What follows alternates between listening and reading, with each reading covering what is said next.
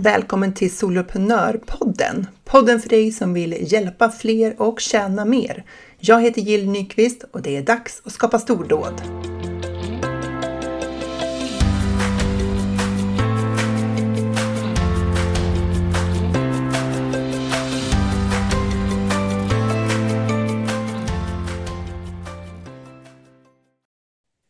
Idag har jag med mig en av mina långa medlemmar. Jag vet inte om du är så lång, Ann-Katrin, till, till storleken.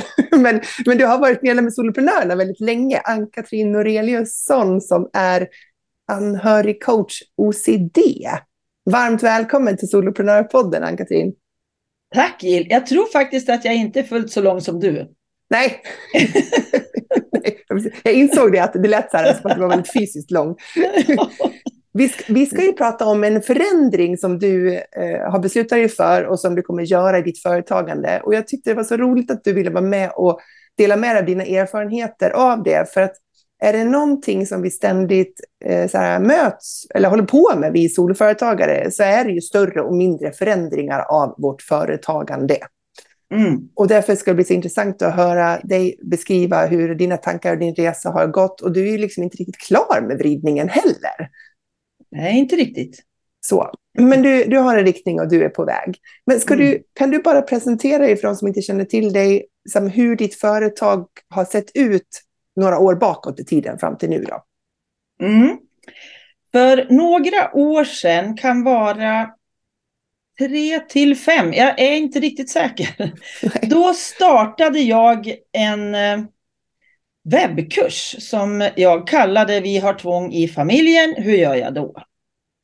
Och eh, den körde jag en par år och medlemmarna ville, alltså de ville träffas. Så det var något som blev väldigt nytt då, att vi, jag skapade en eh, plattform här, tack vare dig, som jag kunde ha anhörigträffar tillsammans med den här webbkursen så att vi sågs minst en gång i månaden och pratade om eh, dilemman som finns i en familj där man har tvångssyndrom. Jag kunde guida dem för vi, jag har ju överlevt med, kan vi vara 25 år vi har haft tvång i våran familj och vi har överlevt och jag har överlevt. Och att sprida den känslan var liksom mitt viktigaste med de här anhörigträffarna. Just att, att liksom ge lite hopp om framtiden. Mm. Ja, och mm. på sidan om det har jag ju då haft samtal, en till en samtal eller vägledningssamtal. Jag har föreläst och jag har handlett och allt handlar om OCD. För att det finns så lite kunskap om OCD. Och jag känner att jag behövs och jag kan massor tack vare att jag har en son som idag är då mer än ung vuxen. Han är ju fullt vuxen idag och jag har klarat av att hantera både mig själv och honom i, den, i stora delar i alla fall. Inte alltid klarar jag det. För det går inte, för man har inte makten över OCD som anhörig. Men jag tycker ändå att jag har, jag har fått så mycket på fötterna under åren. Så det här mm. blev mitt kall att göra precis det här. För det, det, var väl så att du under den här perioden när du levde med din son också upptäckte att att det, det, var svårt att få hjälp inom det här området från vården, liksom från det absolut. offentliga. Ja, absolut. Och i många fall så alltså, är kunskapen jättelåg. Alltså, eller jättelåg låter ju skitknäppt. Men alltså den är väldigt låg kunskapen runt just OCD. Och eh, det är det jag har känt att någon måste göra det. Och det är ju inte bara jag såklart. Men jag vill vara en del i att göra den här förändringen. Jag har ju tre sådana här deviser som jag lever efter och det är att vi måste skrota skammen runt psykiatriska tillstånd eller det man sa psykiska sjukdomar sa man ju förr. Men mm. det heter psykiatriska tillstånd idag. OCD är en, en, ett psykiatriskt tillstånd. Och jag vill öka kunskapen och jag vill visa att det finns hopp och glädje om framtid. Fast det känns som att nu går livet åt helvete. Mm. Alltså, för det känns väldigt så, alltså det känns så väldigt många dagar i ens liv när man har OCD i familjen. Och jag kände att jag, jag vill så gärna vara med och göra den här förändringen. Så mm. att eh, jag har ju brunnit för det här tills jag, ja, ända till idag. Mm. Eller det gör jag fortfarande, men inte på samma sätt. Nej, på ett annat sätt. Och du har ju faktiskt mm. också skrivit en bok, glömde du att säga. Ja, men just det, den kommer jag ju inte ihåg alla dagar. Fast det var ju en stor sak. Viktig. Ja, det var en jättestor sak, för det var ju något jag gick med. Alltså den, den bebisen växte i mig väldigt, väldigt länge, i säkert 8-9 år, för att jag var så övertygad om att jag kan inte skriva. Jag kan prata, men jag kan inte skriva. Just det. Men jag började skriva, men det var ett annat manus. Och så tog jag kontakt med ett eh, förlag och eh, de sa nej, ta inte den, utan tänk så här istället. Ja. Så att då blev det en handbok. Just det. Jättefin bok. Och den har väl kommit ut som ljudbok nu? Ja, bara för några veckor sedan, mm. eller på 8 maj tror jag minst visst att det var, som den kom. Och, eh, så den finns ju på Storytel och, och Bookbeat och jag vet inte, kanske på mm. fler ställen. Jag vet mm. inte, men, men den, den går att lyssna till nu också. Det är helt fantastiskt. Och vad heter den då, skapelsen? Skapelsen heter du, Tvång en guide för dig som anhörig. heter ja. den. Och det, det alltså jag brukar se det som att det är en hand att hålla i.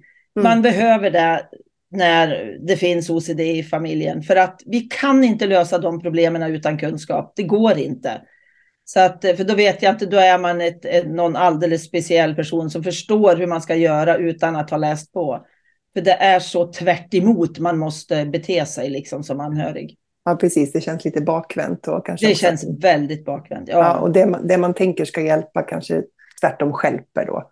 Det skälper och göder tvånget, ja precis. Jag läste ju din bok och det var så härligt att jag kunde liksom höra din röst i boken. Alltså det, det, jag kunde liksom, för jag har ju pratat en del med dig över åren här, för att eh, vi har ju haft kontakt också via Funka med ADHD och du har varit där och mm. gästföreläst och sådär. Mm. Och eh, det var verkligen, ditt sätt att uttrycka sig kom verkligen fram tycker jag. Jag har inte lyssnat på ljudversionen, men mellan bokraderna om man säger, det var härligt. Mm. Mm. Tanken var att jag skulle läsa in den själv. Ja. Men jag var så jäkla dålig på att läsa högt. och jag, jag, jag, hade så mycket mer att säga än det som fick plats på boksidorna. Så att jag började liksom prata om mer saker runt. Det kan jag ju inte. Jag måste ju hålla mig till exakt det som står i boken. Men det är så typiskt mig att då, då blommar det vidare liksom ja. och nya spår och nya tankar. Så liksom, nej det gick inte. Och då hade jag en, en person som jag inte alls känner, men hon har varit eh, röst till ett poddavsnitt i Familjebalanspodden. Ja. Där personen som ville vara med inte ville vara med med sin egen röst. Ah. Mm. För, så då, gjorde, då transkriberade jag hela det avsnittet som hon var med. Och sen så läste vi mot varandra för att budskapet var så viktigt för den här personen. Ja. Hon är dotter till en, alltså till en pappa med Asperger. Ja. Men hon kände att hon ville inte vara med med sin röst. Nej. Så att då fick Marianne då, Jonsson som har läst in boken, hon fick vara min röst där. Och då kände jag att ja, men hon har en väldigt bra röst. Men, hon tyckte wow. att det här var kul. Ja. Mm. Vilken grej, båda de grejerna. Mm, det var eh. jättehäftigt, genom att vi inte alls känner varandra heller. Nej. Det var en tillfällighet. Jag annonserade på Facebook, liksom, hallå, finns det någon som vill göra en, en inpratning mot ja, mig? Och då ha, hakade hon på direkt. Så det var jättehäftigt. Och så fick hon fortsätta sen med boken. Då. Ja, jag har ju faktiskt läst in min bok också, den, den första jag skrev, som heter Hur får man mm. att funka? Inspiration för föräldrar och pedagoger, som var väldigt tunn. Väldigt mm. mycket tunnare än vad din bok är. Och det var oväntat både svårt och jobbigt att läsa in sin, sin egen bok. Eh, jag trodde nog att jag skulle klara det enklare än vad jag mm. gjorde. Mm. Mm. Jag var helt säker på att jag skulle klara det. Jag var ja. stensäker, för det var bara så. Jag skulle läsa in min egen bok för jag ville ha min röst på Just orden. Ja. Och det var ju bara att lägga ner. Min stackars redigerade maken Anders, ja. han hade blivit galen om han skulle redigera det. Så att jag la ner det. Jag la bara två sidor tror jag provade, sen kände jag att det här går inte. Så Nej, Nej men jag fattar verkligen det, för det var betydligt svårare än vad jag hade kunnat föreställa sig. För man tänker mm. så här, om jag kunde skriva boken måste jag väl kunna läsa den. Tydligen var det helt olika saker. Det är helt olika saker. Och att läsa skriven, alltså text som är meningen att läsa tyst för sig själv, blir också något helt annat att läsa det högt. Det kräver sin förmåga att göra det levande utan att det låter som att man läser till på ett ja. dåligt sätt. Liksom. Precis. Ja, jag är osäker på hur väl jag klarar det där, men, men nu är min bok inte längre ute som ljudbok, så jag vet inte. Men men du nämnde också, apropå det här med vad som ingå, har ingått i ditt företag under mm. de mm. senaste åren, då, familjebalanspodden då? Vad... Mm. Du, du har ju två podcasts. Ja, och Familjebalanspodden är jättegammal. Den, började, sen startade vi 2015. Det var ju tidigt med poddandet då. Det var jättetidigt faktiskt. Mm. För jag lyssnade, den sommaren 15 lyssnade jag på Författarpodden.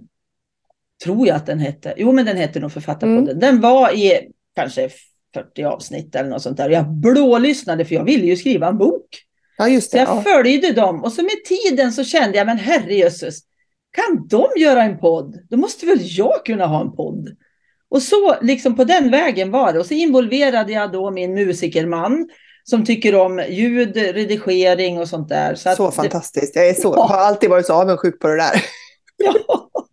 Jo, men alltså det, det, ja. ja. det är helt fantastiskt. För han älskar den biten jag hatar. Ja. Och han är inte alls så där prat så där som jag. Liksom. Så att vi, vi kompletterar varandra jättebra. Så att eh, då började jag spåna med honom. Men hur gör man då? Så först mm. från början så var det ju väldigt enkelt med telefonen och så där. Va? Så första avsnitten är inspelad sommaren 2015, men de kunde vi inte använda för det tyckte han var så dålig kvalitet på. Så då var det lite mikrofon och så vidare och så har vi utvecklat den. Då. Så att, eh, nej, det, det, var, det var lite övningskörning där i början. Det var liksom, övningskörning och då ja. hade jag tänkt bara att jag skulle ha människor som fanns i Hudiksvall och min familj och så. Ja. Och det tog ju slut jättefort. Så då kunde jag inte ha dem på köks, vid köksbordet liksom. Så då fick det bli att ja, men då måste vi ju ut på nätet liksom och hitta en form. Ja. Så att eh, då var det väl Zoom antar jag från början tänker jag. Jag, vet, jag minns faktiskt inte hur, hur Nej, det, det har ju gått några år. Men hur många lyssningar har du kommit upp i? Har du koll på det nu? Ja, det är nog 250 000 tror jag. 250 000 lyssningar. Ja, ja det var 140 avsnitt kanske. Alltså ja. jag hade stenkoll länge. Hur ja. många avsnitt, hur många lyssningar. Nu var jag in och tittade alldeles nyligen och då hade vi passerat 250 000. Ja, och det, det kommer ju inte avsnitt lika tätt heller nu som det gjorde från början. Nu kanske det kommer ett i månaden eller något sånt där. När jag hittar någon viktig, ja. bra sak jag vill ut med. Det är då, när jag hittar en gäst som den här vill jag ska, att jag ska liksom föra rösten, dens röst vidare. Då gör vi ett avsnitt. Men sen har du ju en till podd också. Mm. Tvångspodden som då är mer aktuell i mitt företag idag. Mm. För familjebalanspodden den handlar ju om hela NPF-spektrat med plus psykisk hälsa och liksom välmående och allt.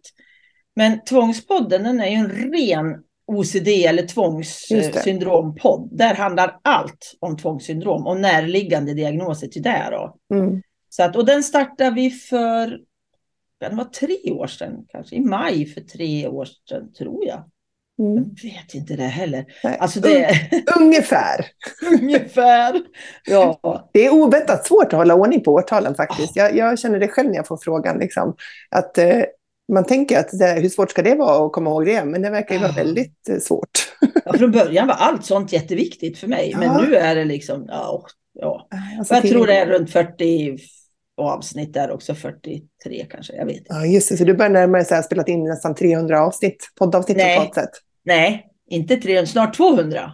Ja, men jag tänker om du hade, vet du, hur många hade du på? Det är bara 140, 140 plus 40 140, nu, så vi närmar oss 200. Ja, precis. Ja, det, det är många avsnitt. Ja, och det känns väldigt roligt, för jag får ju mejl då och då från människor som säger att herregud när jag hittade din podd, mm. vad jag har lärt mig mycket av den. Och det mm. känns ju så underbart att, att få höra sådana saker. Att ja, men, det, hjälper liksom. Ja, och jag tänker just det där, men eftersom jag också har liksom drivit två podcast mm. och vet jobbet som ligger bakom att mm. köra en podcast, så mm. just det där när människor hör av sig och berättar vilken nytta de har haft av mm. det, mm. det ger verkligen välbehövlig energi. För jag har ju många solavsnitt och då sitter jag där och pratar med mig själv.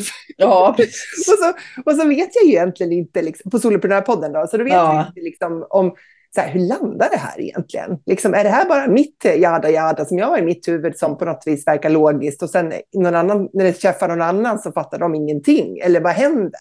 Ja, ja. Så att alla de gånger som folk hör av sig till mig och skriver på Instagram och så är det så, här, så otroligt värdefullt för att just poddande är en ensam historia. Även om Ja. andra saker också är det, så känns det på ett annat sätt när man sitter och pratar högt för sig själv. ja, men precis. Jag har ju inga sådana avsnitt nästan. Nej. Något har jag haft, men de flesta har ju jag gäst. Ja, precis. Det är lite... då, då är inte jag liksom den mest framträdande, utan Nej. jag mer liksom driver samtalet framåt. Liksom. Ja, precis. Och gästen delar med sig av sin historia. Ja. Precis som du är gäst här idag.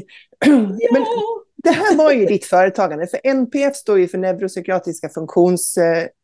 Nedsättningar. Ja. Och det är ju ADHD och autism och, och, och så här som finns liksom i det där spektrat. Mm. Ehm, så det är liksom området som du har verkat inom. Och du, du kallar det till och med för just att det här med tvång, det kändes som ett kall. Vad var det med Ja. det som kändes som ett kall, tycker du? Jo, framför allt att kunskapen är extremt låg. Ja, Alltså på boenden där människor bor med, där det finns människor alltså med tvång. Alltså personalen vet inte, de kan inte hantera det. Så att då, då blir det ju oftast, eller oftast, eller nästan alltid, att man göder sjukdomen. Man göder tvången så det blir värre. just det. För att det, det, naturliga, ja, det naturliga för oss människor är att vara snälla. Men är vi snälla alltså på det sättet som att hjälpa till, underlätta, göra så att man kan tvånga mer. Mm, Det gör ju att hela situationen bara blir värre. Så att jag kände att och så det, det finns så många ställen som inte kan tvång, som möter de människorna. Så det var ju liksom det som brann till i mig Mm, när jag kände att jag måste växla från de andra diagnoserna pratar så många om idag. mm, Om ADHD, autism, det är liksom lyft och Ja. finns med liksom på kartan och folk förstår, även om de inte kan en massa, så fattar de ju ändå, ja men det är så här. Men OCD är så skämmigt och så tyst och så det hålls nere och det kan inte jag acceptera. Så det var det som blev branden i mig liksom. Mm. Och jag har ju varit med någon gång också när du har kört någon livesändning när vi har haft eh, event med Funka med ADHD. Jag har ju sett frågor som har kommit då, att det är Mm. väl, bland de som har de här eh, problemen så är ju behovet enormt. Liksom. Det är jättestort. Ja. Ja, och du, det var ju mycket, mycket tacksamhet som fanns i de kommentarerna kring att liksom, det du berättar, dela med dig av och klargjorde och sådär. Så att jag förstår att behovet har verkligen funnits där. Mm.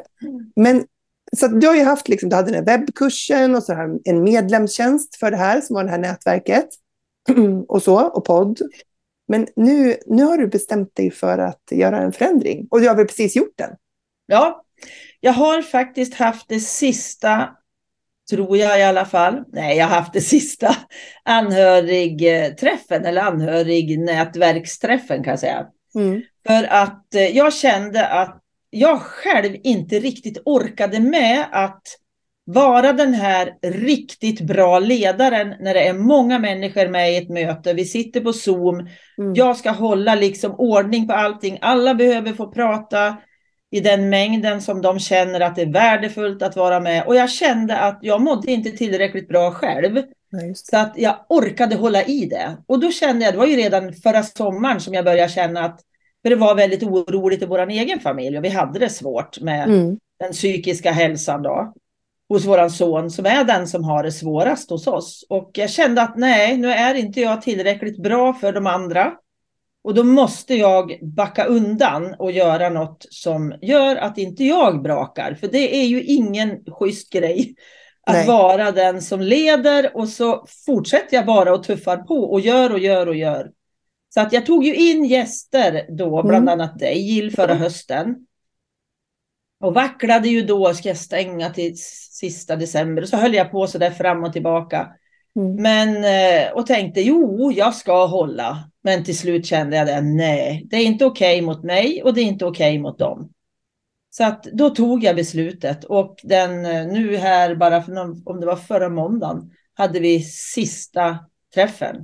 Mm. Och det var med blandade känslor. Jag kan fortfarande känna att jag saknar det jättemycket. Mm. Att ha de här samlingarna, för de, de är så...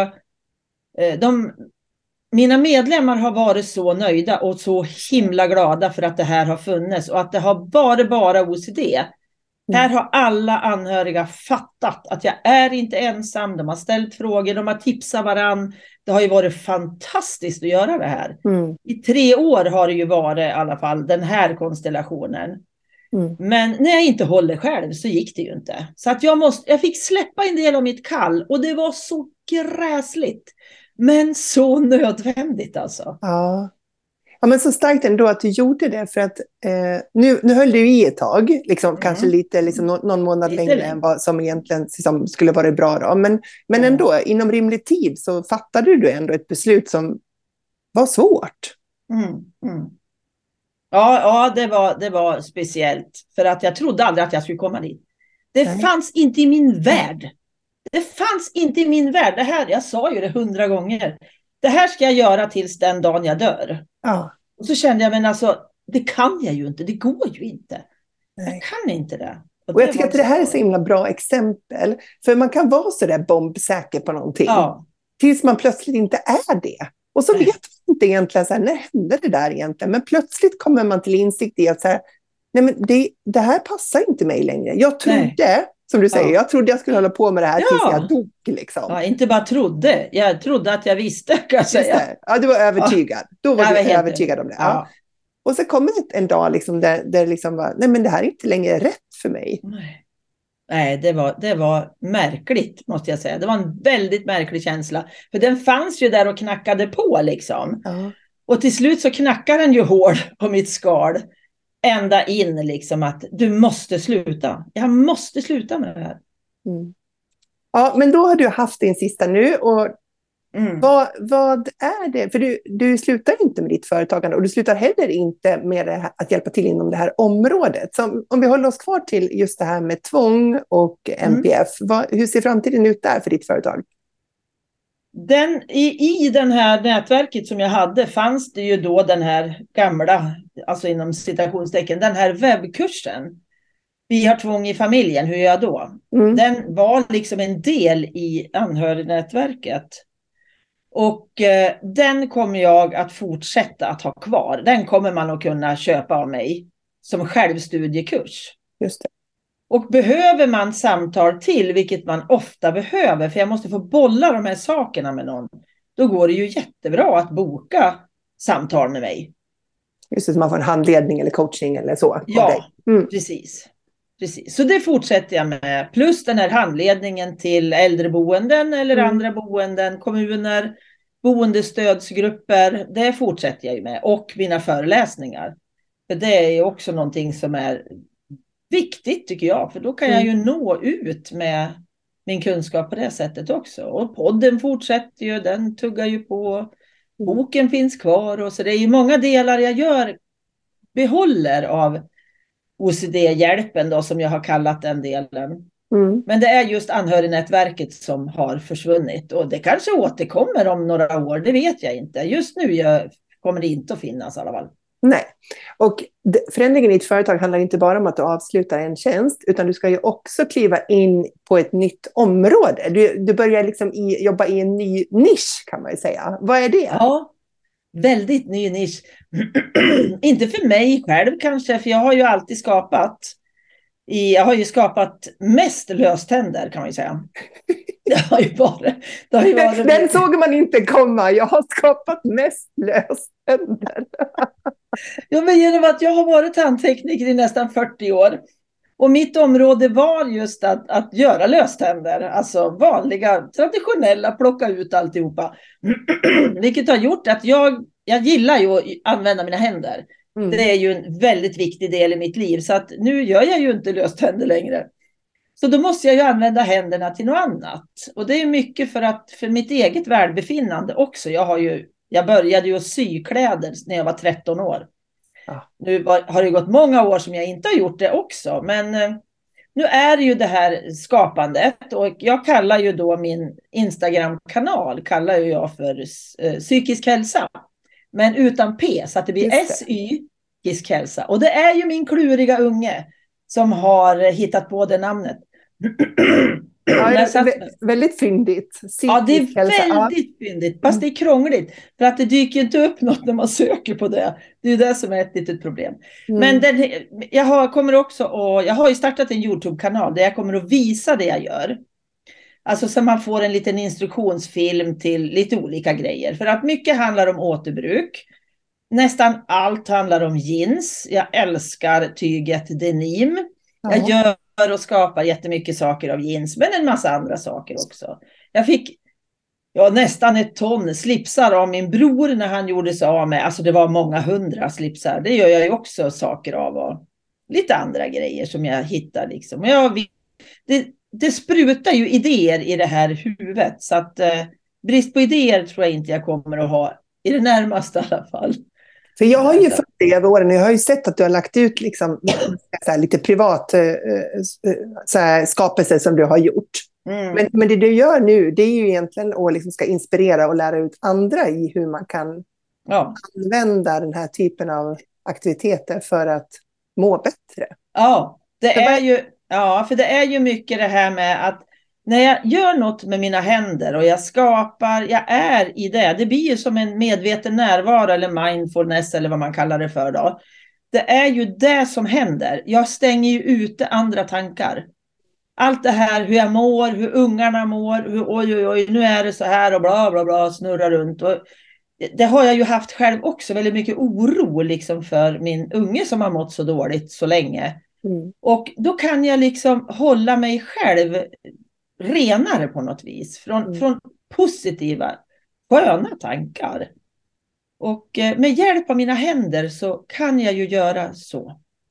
Det är lite intressant det, för att jag menar, du hjälpte ju människor att må bättre i familjerna eh, i den andra delen av ditt företag också. Så att egentligen är det på samma spår, det är bara en annan metod liksom, och lite annat fokus. Om man tänker att det kanske mer handlar om medveten närvaro, återhämtning, sänka stress och liksom sådär. Mm. Men det är ju fortfarande den här mentala liksom, hälsan och allt mm.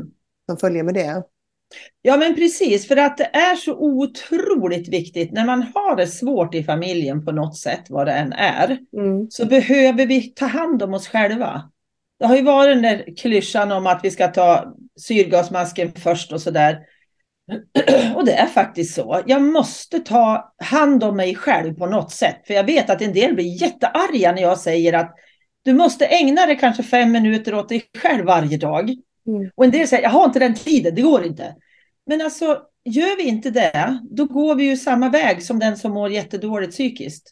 Då följer jag ju med liksom på den resan in. Och den som mår dåligt orkar inte se en till som mår dåligt i familjen. Nej. För jag lyfter ju min unge, om den så är barn eller vuxen, genom att jag visar att jag tar hand om mig själv. Jag skiter ju inte i den för det. Nej. Men det är många som känner så. Jag får inte skratta om mitt barn mår dåligt. Mm. Men det får jag. Jag får skratta hur mycket som helst. För jag skrattar ju inte åt den. Nej. Jag försöker ju ta hand om mig själv. Liksom. Och det här är det är ett dilemma för många. Att man tror att jag får inte åka på en resa. Jag får inte sätta mig med mig själv eller säga att nu sätter jag mig ute och syr en stund eller vad jag gör för någonting, stickar eller mm. gör en krans eller vad som helst. Det får jag inte. Jag måste ändå vara liksom den där som hela tiden ska ta hand om alla andra. Men alltså då håller vi inte. Det går inte. Hur tänker du att du ska, liksom, du nämnde, vad är det för um om man tittar på liksom den här företagsvridningen, då sa du att jag har startat en YouTube-kanal. Mm. Så då är tanken att du ska, eh, du ska här, visa hur man gör det här, filma när du sitter och gör det du ändå skulle ha gjort om man säger. Ja, precis. Jag filmar det och jag kommer också ha inspirationsvideo bara liksom för att jag berättar kanske lite grann om hur jag tänker, hur, hur vi behöver ta hand om oss själva, få vara med på ett skogsbad kanske lite då och då där jag också kommer att ta med mig mina skapelsegrejer liksom och sitta ute i skogen kanske och brodera eller något sånt där. För jag vill inspirera att hitta fler sätt till återhämtning. Man måste inte vara bara i den här formen som jag tror, utan man kanske, jag kanske kan få så de här små fröna ut till någon annan. Att man behöver inte ta med sig sitt broderi ut heller, men att gå ut en stund till något träd eller en park eller vad som helst för att komma ut. Mm. Lyssna på fåglarna. Alltså det är ju kakafoni just nu och det är ett perfekt sätt att vara i stunden, liksom, att lyssna på de här. Luta sig gärna mot en tall då. Det, det behöver ju vi alla människor, även om man inte har någon så skriande akut kris hemma så Nej. behöver man ju ändå det där. Ja. Och särskilt vi som jobbar som egenföretagare, tänker jag, som har mycket på gång i våra huvuden. Ja, precis. Ja, jo, men, sen, alltså... ju, sen nämnde du ju också Instagramkontot då, psykisk mm. hälsa. Mm. Vad, vad, gör du där då? där ligger jag mest inspiration. Jag liksom visar vad jag gör. Jag slänger ut en bild lite då och då sådär för att visa att så här kan man göra. Och jag har ju en, en sån här devis inom det också, att operfekt kan vara alldeles perfekt. Ja, det är härligt. För min mamma var nämligen en fantastisk brodös. Hon var så otroligt skicklig. Och det var lika jädra fint på baksidan som på framsidan. Mm. Och det hindrade mig att ens prova. För jag visste att hon skulle tycka att det var skitfult. För hon skulle vända och titta på baksidan. Just det.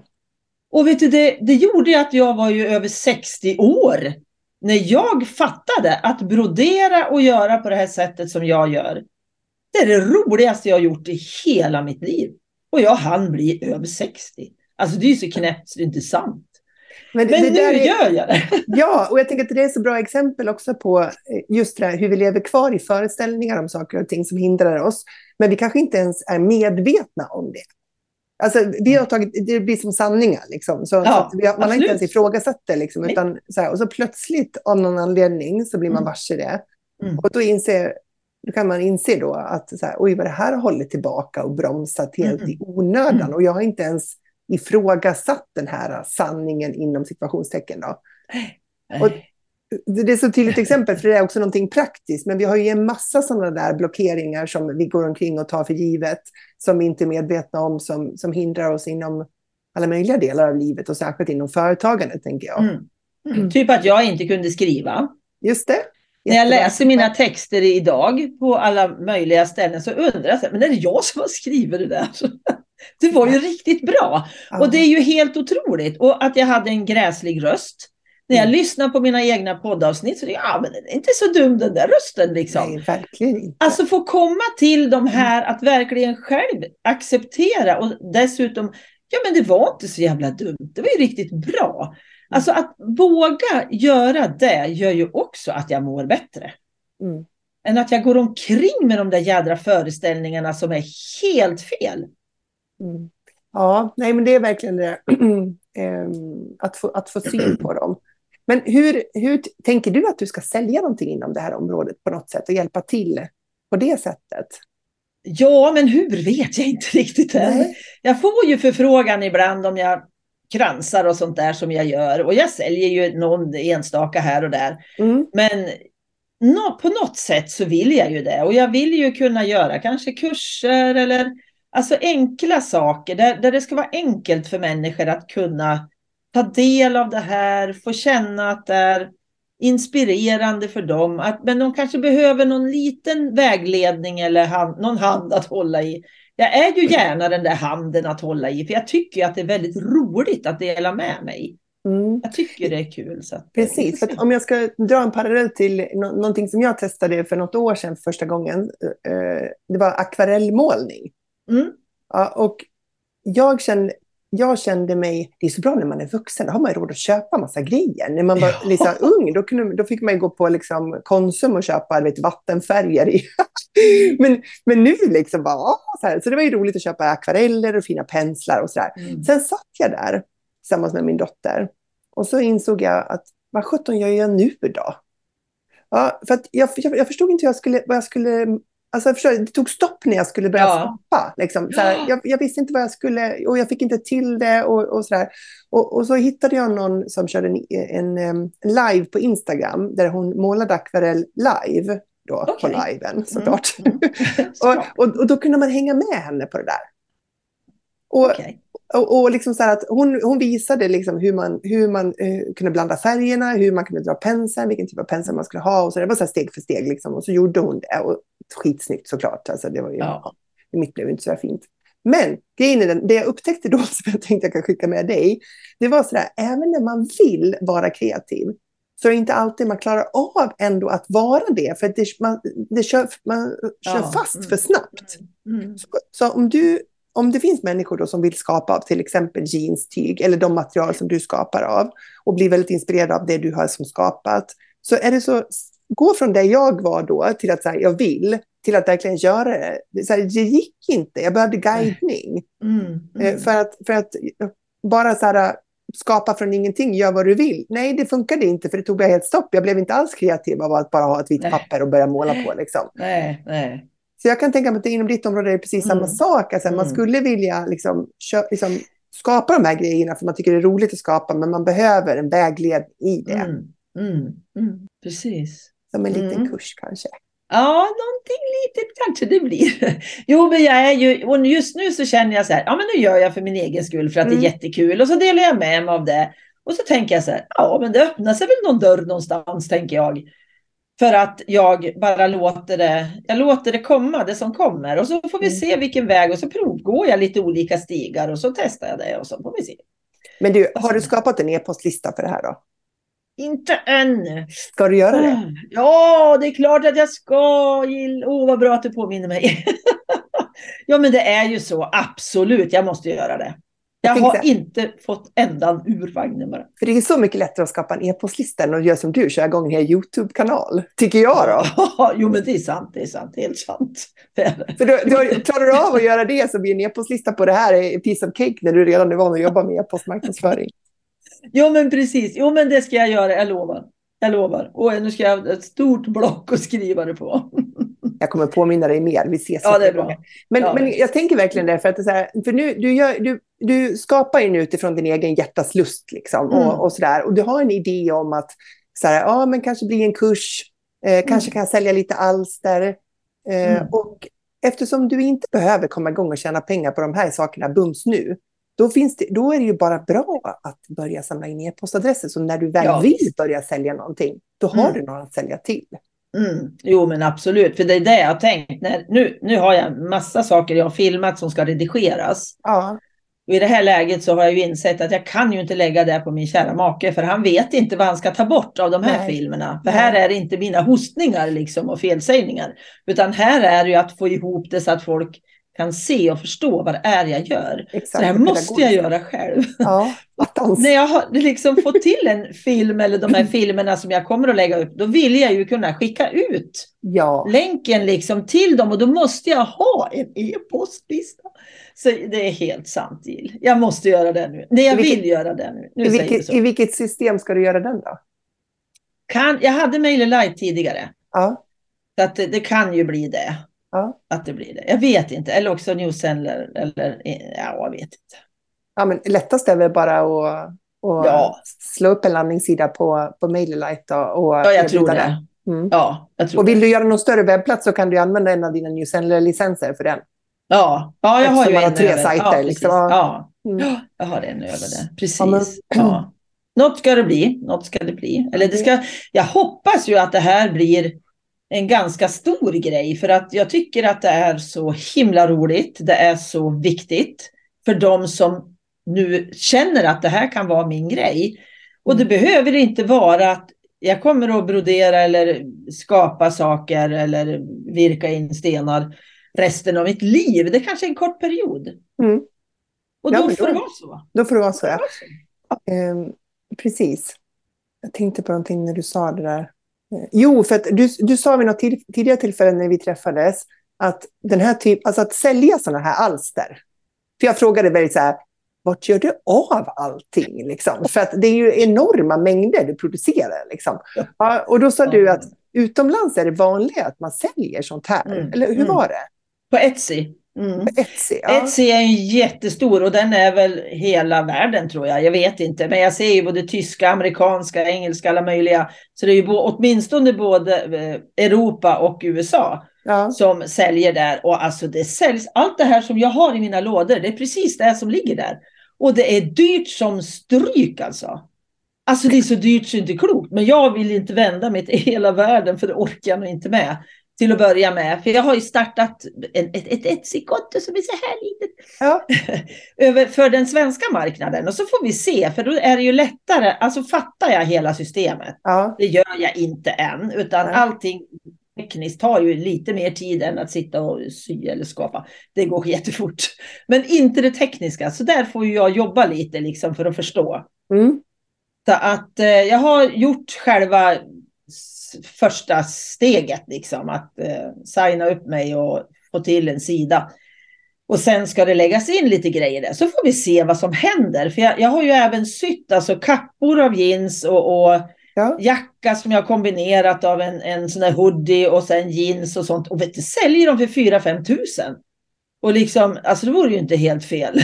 Det låter ju som ett viktigt steg två i den här karriären, att gå på export. Ja, det kanske blir så så småningom. Jag vet inte, ingen aning. Men för de är ju väldigt unika. Varenda ja. grej är ju helt unikt. Det finns ju ingenting som ens är i närheten av eh, liksom samma sak. Precis, och det är det som är lite roligt om du skulle kunna göra det i ett namn inom den liksom, mm. nischen. Mm. Jeans mm. kanske, kläder och unikitet. Mm. För att att sätta upp ett skyltfönster mot världen har ju aldrig varit lättare än nu. Det är ju inte så att man Nej. behöver stå på, på en loppis i Hudiksvall liksom, och, och försöka sälja där, utan man kan verkligen exponera mm. sig mot så, så mycket större geografiska områden och mm. marknader, mm. vilket ju är fantastiskt. Mm. För mycket är ju just det här med att eh, jag syr ju, alltså gör små broderier som man kan använda till att laga sina jeans med. När jag har fått ett hål på knät så kan ja. jag köpa en sån med dubbelhäftande, liksom, eller det heter inte dubbelhäftande tejp, men sån här där jag värmer på det. det. Och sen kan jag bara sy runt kanten så att det inte det där klistret släpper. Liksom. Mm. Och då har jag faktiskt en väldigt snygg dekoration på mina jeans. Och det här är så otroligt inne utomlands. Och så jättelitet i Sverige. Ja. Alltså det är det som är så konstigt. För jag hittar ju grejer som är många år gamla på, alltså på Pinterest och allt sånt där, när jag följer någon tråd. Alltså det är ju 15 år sedan det här liksom började utomlands och här liksom är det tvärnytt. Ja. Men, ja, men det, det, det, är ju lite där ibland att det, liksom, mm. det kommer till olika länder i olika takt. Ja, men då kan man säga att du är en förgrundsgestalt nu då här i Sverige för detta. jag vet inte. Men någon av dem i alla fall är jag ju. Jag tror inte jag är först, men eh, ganska först tror jag. Ja, precis. I framkant kan man säga. Då. I framkant kan man säga, ja precis. Ja. Gud vad härligt att höra. Eh, så inspirerande tycker jag. Ehm, jag tar särskilt med mig det här liksom som du har beskrivit nu om, om att, att vara beredd att fatta nya beslut i livet. Mm, mm. Att, att det finns ingen liksom mening att hålla fast i av någon form av prestigeskäl, att jag har ju sagt att jag ska Nej. göra så här. Utan att man faktiskt kan vända på en femöring. Sen kanske ja. det finns saker som man måste göra klart eller man måste ja. leverera klart, så att man kan inte mm. göra hela förändringen så snabbt. Men man kan fatta beslutet så snabbt. Absolut, ja. Fast det var inte jättesnabbt mitt beslut. Men, men ändå så var det alltså, och det var svårt. Ja. Men det går. Det har ja. ju gått. Jag har ju klarat det, för det var ju liksom det, men jag har ju lovat dem ja. att jag alltid ska göra det här tills jag dör. Men nej, det gick ju inte. Det nej, gick inte. Och alltså mm. snacka om att när jag trodde att det var mitt kall. Mm. Det här var det viktigaste jag kunde göra i mitt liv. Att träffas, att de här människorna, stötta dem, mm. finnas mm. för dem på det sättet. Och så bara försvinner det. Det är klart att de är ledsna en del av dem, så är det ju. Och de har ju visat oerhört stor förståelse mm. för mig. Att alla har ju varit så här, jag fattar. Ja. Inga problem, så Nej. är det, jag förstår. Ja. ja. Precis. Nej, men alltså, jag tycker att det är någonting liksom, det, det, är värt att ta med sig tycker jag. För att det, ibland blir vi kvar i saker längre än vad som är vettigt för oss och kanske ibland mm. mycket längre. Men du, du, du pratar om att du vacklar liksom en höst och en vår. Liksom. Men man kan ju vara kvar i åratal med saker ja. som, som, man inte, som skaver. Liksom. Eh, mm. och det är så värdefullt att höra här, att man kan, man kan faktiskt eh, man kan fatta ett nytt beslut. Så. Ja, därför att det måste vi göra ett måste att våga ta nya beslut. Det är så. Mm. För att om inte jag ändrar riktning när det inte är rätt riktning. Nej. När jag går i en riktning som ändå inte känns rätt för mig, även om den är bra för alla andra. Mm. Men för mig är den inte rätt. Då måste jag ju vika av på en ny stig. Så är det ju bara. Men det var inte enkelt, men så nödvändigt. Och det var så, jag var så lättad. Och jag vet att jag hade ju samtal med dig också när jag mm. vände och vred och vände och vred och liksom bara hjärnan höll på att explodera för jag kände att jag kan inte ta bort det. Men till slut, med, med, hjälp av andra, för det är ju så. Ibland behöver vi liksom någon att bolla med. Mm. För att klara av att säga de där sakerna högt. Som är där inne och, och mal sönder liksom. Mm. Oss invändigt. Precis, för innan man har fattat ett beslut så kan beslutet kännas så komplext och svårt. Mm. Mm. Sen när man har landat i sitt beslut och verkligen Mm. bestämt sig, då kan det vara lite så svårt att tänka sig, oj hur svårt var det där då? Ja, Men då har man ju så. processat det där. Liksom. Ja, man har gjort ja, ja, det där jobbet. Liksom. Men Mm. när man väl kommer till vägs ände och man verkligen har bestämt sig så, så kan det kännas som, så här, när man har landat i det, att det var ett självklart beslut. Det skulle aldrig Mm. ha varit på något annat sätt. Men, men när man är i det och inte har kommit till den där, liksom, sätta ner Mm. foten för sig själv, Mm. då, Mm. då kan det kännas väldigt komplicerat. Man väger in alla möjliga saker. Ja, ja, ja, ja. Oj, oj, oj. Ja då. Jag kom sist kan jag säga. Men Ja, det, men det det gick att så. förändra. Ja, Mm. ja. Nej, men jag var ju för andra. Jag fanns ju för dem. Mm. Och eh, det gick ju inte så. Fortsätta så. Det var, inte, det var inte rätt för mig i längden. Det var rätt under en lång tid. Men sen var det inte rätt längre. Så Precis att, så. eh, precis och det så var jätteläskigt att ha den där sista träffen. Den var hemsk. Så alltså inte själva träffen, men att säga hej då. Ja, Nu ses vi inte mer. Nu gjorde jag slut med er. Precis, det där liksom, ja. avskedet. Ja. Det, är väl det, som, det, är väl inte, det är för få personer som älskar avsked. Liksom. Ja. Men det gick där med. Det gick där med. Mm. Mm, bra Mm. erfarenheter att ha med sig. Du, om, innan vi avslutar, vad, den här YouTube-kanalen då? Vad, vad heter den om man nu blev lite sugen på att gå in och eh, få lite inspiration? Jo, vad den heter? ja, nästan. Jag har, jag har nog funderat på att byta namn på den. Ju- Just nu så om man söker på mitt namn och jeansåterbruk Ja, så kommer man till den. så Ann-Katrin Noreliusson och sen jeansåterbruk. Då Ja. får man upp din kanal. Ja, Mm. yes. då ska man hitta dit. Precis. Tusen tack för att du var med i Soloprenörpodden, Ann-Katrin. Ja, men tack Jill. Tack. Och jag hoppas att du som lyssnar funderar över om det är något beslut som du behöver ta som ändrar riktning i ditt företag för att du ska kunna fortsätta skapa dina stordåd.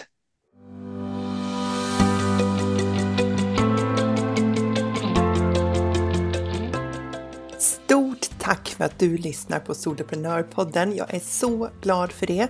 För att du inte ska missa när ett nytt avsnitt kommer ut så prenumerera gärna på podden i den poddspelare som du använder så vet du att du alltid får en notifiering när det är dags för ett nytt avsnitt. Om du vill får du gärna ta en skärmdump av det här avsnittet och tagga mig på Instagram i en story, solopreneur.nu. Jag tycker det är galet roligt att se alla er som gör det, för då vet jag ju att just du lyssnar och det är ju helt fantastiskt. Stordådligt, som jag skulle kunna säga.